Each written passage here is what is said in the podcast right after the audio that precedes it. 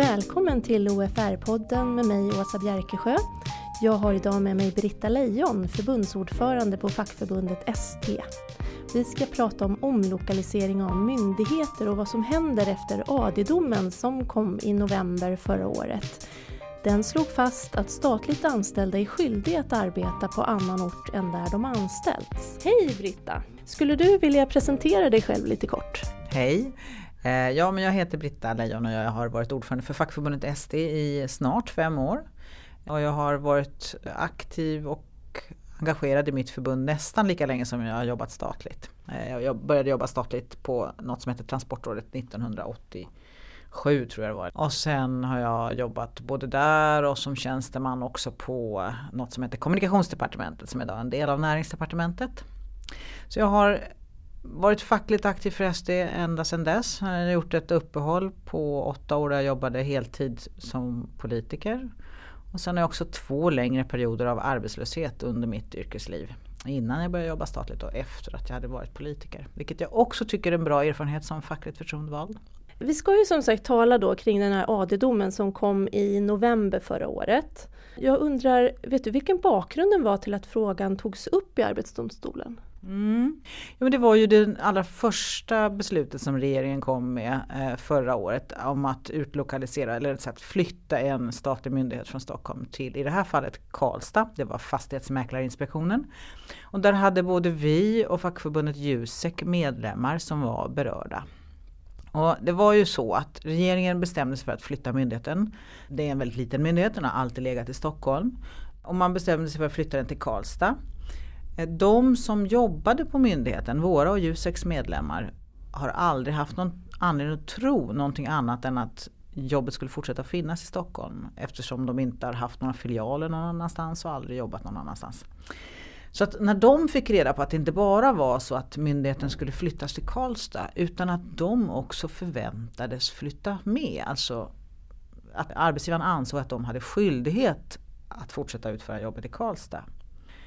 Då blev det en fråga som både vi och Jusek kände att nej men den här måste vi prova rimligheten i. Eh, är detta verkligen en rimlig förväntan som statligt anställda ska ha på sig?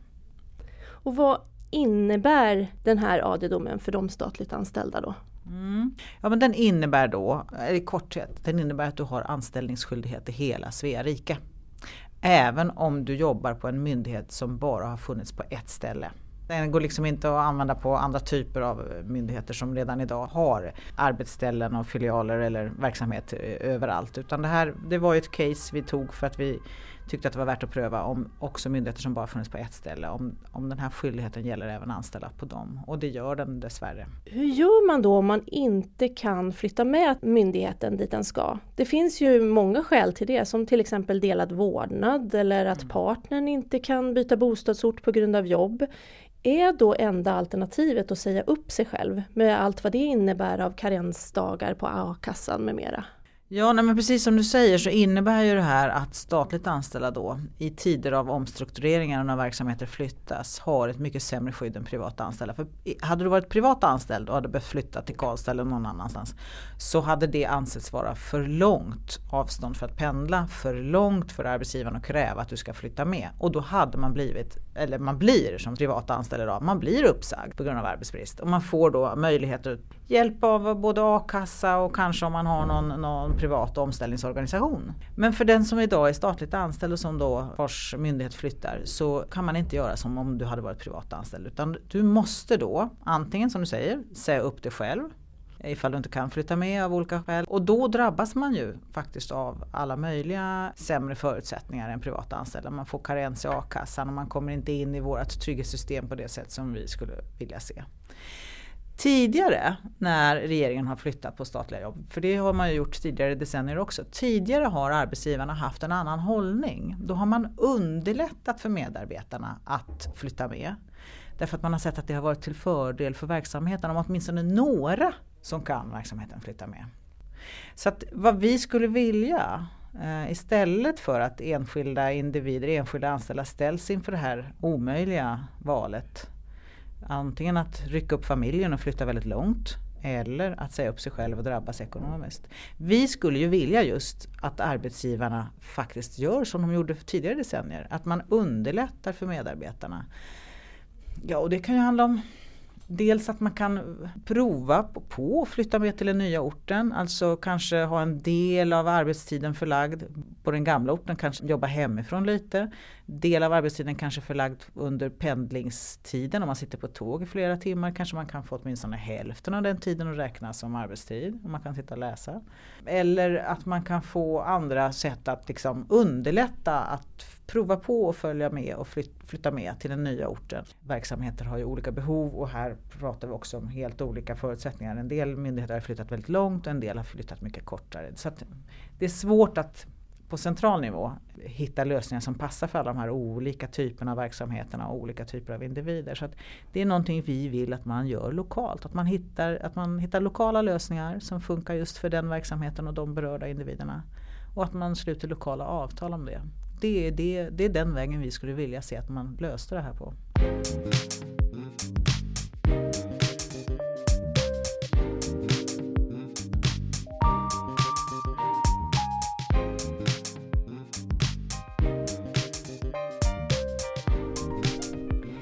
Finns det då någon möjlighet att avtala bort den här arbetsplikten i sitt anställningsavtal? Och när måste man i så fall göra det? Ja, nu är det ju så här att det ser väldigt olika ut för anställda i statliga myndigheter. Många har inget anställningsavtal utan man har ett anställningsbeslut som myndigheten har utfärdat. En del har i sina beslut eller avtal tjänstgöringsort inskriven. Och då är det jättebra för då betyder det att då har man mycket större skydd ifall politikerna bestämmer sig för att flytta på verksamheten. Till exempel så var det så att några av dem nu i den senaste omgången har flyttat, till exempel på Swedac så hade de inskrivet i sina eh, anställningsavtal att de var verksamma i Stockholm. Så det underlättar när nu verksamhet ska flytta till Borås. Då kan de som inte kan flytta med, de har då rätt att utan karens i a-kassan få del av trygghetssystemet. Men de flesta skulle jag vilja säga i staten har inte det inskrivet utan de flesta har att man jobbar inom X-myndigheten. Och då är vår rådgivning nu till våra medlemmar att försök få tjänstgöringsort inskrivet för det ger dig ett större skydd, en större trygghet i att du vet vad som gäller. Dessvärre så ser ju arbetsgivarna också att det här är en viktig fråga. Så därför så deras inställning just nu är att försöka skriva om så mycket anställningsavtal och anställningsbeslut som möjligt och skriva in tjänstgöringsorter för närvarande. Just för att de ju vill ha största möjliga flexibilitet. Vi tycker att det är väldigt olyckligt att de väljer att göra så här. Vi tycker att de borde se till både verksamhetens och medarbetarnas eh, bästa och därför faktiskt försöka underlätta den här processen omplacering, det är inget som är aktuellt för de som har blivit omlokaliserade?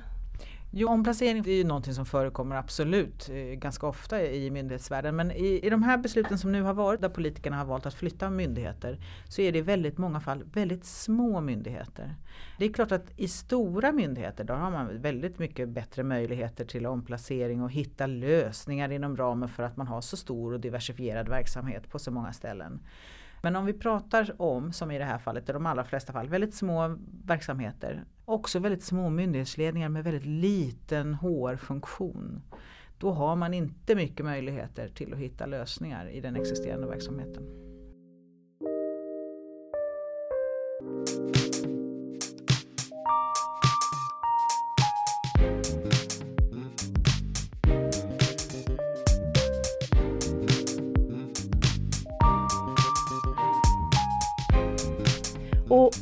Man väljer att flytta med, vad är det som ni har hört är svårigheterna kring flytten? Eh, jo men det är ju lite grann det vi var inne på tidigare. Svårigheterna handlar ju oftast om att man har familj och att det är svårt att rycka upp familjen, svårt att eh, partnern ska också ha någonstans att jobba och familjen ska ha skola och boende. Annars vet vi väl att för myndigheterna som är berörda så handlar det väldigt mycket om svårigheten i att hitta lokaler på den nya orten som funkar eh, och lokaler i tid. Svårigheten att få ekonomin att fungera. För myndigheten som har dubbla kostnader ett tag. Både de gamla lokalerna och verksamheten och att samtidigt bygga upp ny verksamhet på en ny ort. Har ni fått någon känsla för hur era medlemmar mår som berörs av de här flyttarna och vad har ni fått för frågor? Har ni fått mycket frågor kring det? Ja men vi har ju en hel organisation som är färdig när det här, när vi får ett besked om en sån, ett sånt här beslut. Då har ju vi ombudsmän som är beredda att åka ut och prata med våra medlemmar på de här myndigheterna. Vi har ju också lokala förtroendevalda som naturligtvis gärna hjälper till så mycket de kan men de är ju själva drabbade och då det kan vara svårt att då också försöka orka finnas till för andra. Så att därför är det väldigt viktigt att vi har våra ombudsmän som kan hjälpa till också. Så att, Absolut, vi har fått väldigt mycket att göra med anledning av att regeringen har tagit de här besluten under förra året och i år. Och eh, jag är väldigt glad att vi har en så stor lokal facklig närvaro på så många ställen så att vi lätt kan ge information till alla som är berörda. För det är klart att det blir tusen frågor som dyker upp i huvudet eh, på de som är drabbade. Eh, och vi har ju också vår rådgivning som man kan ringa in till ST Direkt där vi har många ombudsmän som sitter och svarar på frågor och de, de får mycket frågor. För vi människor reagerar ju olika inför sådana här typer av besked men väldigt många upplever ju att de får sina liv uppryckta med rötterna och att man faktiskt är i någon sorts chock i en inledande fas. Eh, sen kan det bli jättebra så småningom men det, det är en, naturligtvis en stor omställning. Det här är ju lite grann vad ni gör nu. Har ni några planer kring frågan framåt också? Mm. Jo absolut, för vi menar ju på att vi kan inte leva med de här villkoren som den här AD-domen har skapat. Det kan inte vara så att statligt anställda har mycket sämre förutsättningar vid stora omstruktureringar och förflyttningar av verksamheter än vad man har på den privata sidan. Det kan inte vara så att statligt anställda får mycket sämre, både ekonomiskt och annat skydd vid den här typen av förändringar. Så vi jobbar på två spår skulle jag vilja säga. Det ena är eh, att försöka se till att vi om möjligt kan få arbetsgivarna med oss på att förändra förutsättningarna genom att ändra våra centrala avtal. Och det behöver vi ju vara överens, inte bara med arbetsgivarna om i så fall, utan också med de andra facken. Så vi har, vi har ett sådant arbete som pågår just nu, att försöka hitta lösningar avtalsvägen helt enkelt. Vi vet ännu inte hur det kommer gå. Så det andra spåret är att om vi inte hittar vägar fram avtalsvägen då måste vi försöka jobba på att långsiktigt försöka förändra lagstiftningen som ju Arbetsdomstolen har dömt ut efter.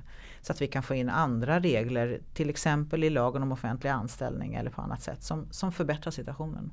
Så vi jobbar både med kollektivavtal förhandlingsvägen gentemot arbetsgivarna och vi jobbar med politiskt påverkansarbete gentemot både nuvarande regering och oppositionen i riksdagen. Så att eh, oavsett valutgång så hoppas vi att vi ska kunna beskriva hur förödande konsekvenser AD-domen får för statens långsiktiga attraktivitet som arbetsgivare. Så här kan vi liksom inte ha det i längden. För inte så länge sedan så kom ju beskedet om fler myndigheter som ska flyttas. Vet du om ännu fler kommer att bli berörda? Alltså vi vet ju att den här statliga utredningen som ligger till grund för det här eh, har föreslagit att 10 000 jobb ska flyttas från Stockholm till andra delar av landet. Och nu är man uppe i nästan 2 000 jobb. Så att ska vi gå efter vad den utredningen har sagt så är det många kvar. Eh, vi hade ett möte mellan facken och eh, regeringen om de här frågorna och då ställde jag frågan eh, Kommer det några mer beslut innan valet nu? Och då fick jag faktiskt inget svar. Så jag vet faktiskt inte.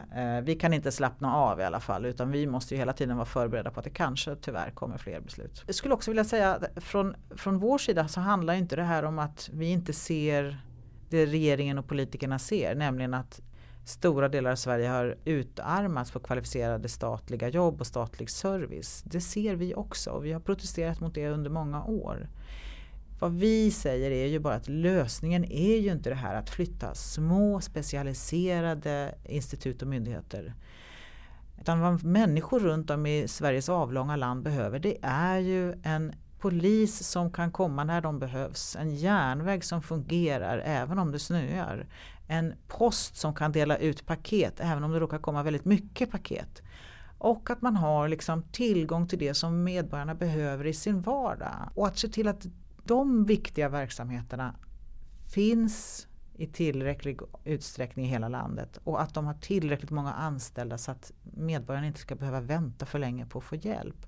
Det är ju det vi menar borde vara i fokus för politikernas ambitioner och inte att flytta på små, väldigt specialiserade verksamheter som faktiskt inte de flesta medborgare har någon kontakt med överhuvudtaget. Du har ju berört i din presentation och jag hör det i din röst. Men var kommer det här starka engagemanget fackliga ifrån? Jag tror att det kommer från min farfar och min, ja, mina far och morföräldrar överhuvudtaget som jag hade förmånen att få vara väldigt mycket med dem så länge de levde. Och deras berättelser av hur det var när de var små, och när de började jobba. Det, det tror jag har haft betydelse. Sen är det klart att när jag började jobba statligt så började jag jobba på en myndighet och blev ganska tidigt fackligt aktiv och var skyddsombud. Och sen lades den myndigheten ner genom ett politiskt beslut. Den erfarenheten är ju också en viktig källa till varför jag tycker att det är viktigt. Tror att det är både min bakgrund, min fackligt politiskt medvetna far och morföräldrar och, och egna erfarenheter som har gjort detta. Tack så jättemycket. Tack själv. Tack för att du har lyssnat på OFR-podden. På återhörande.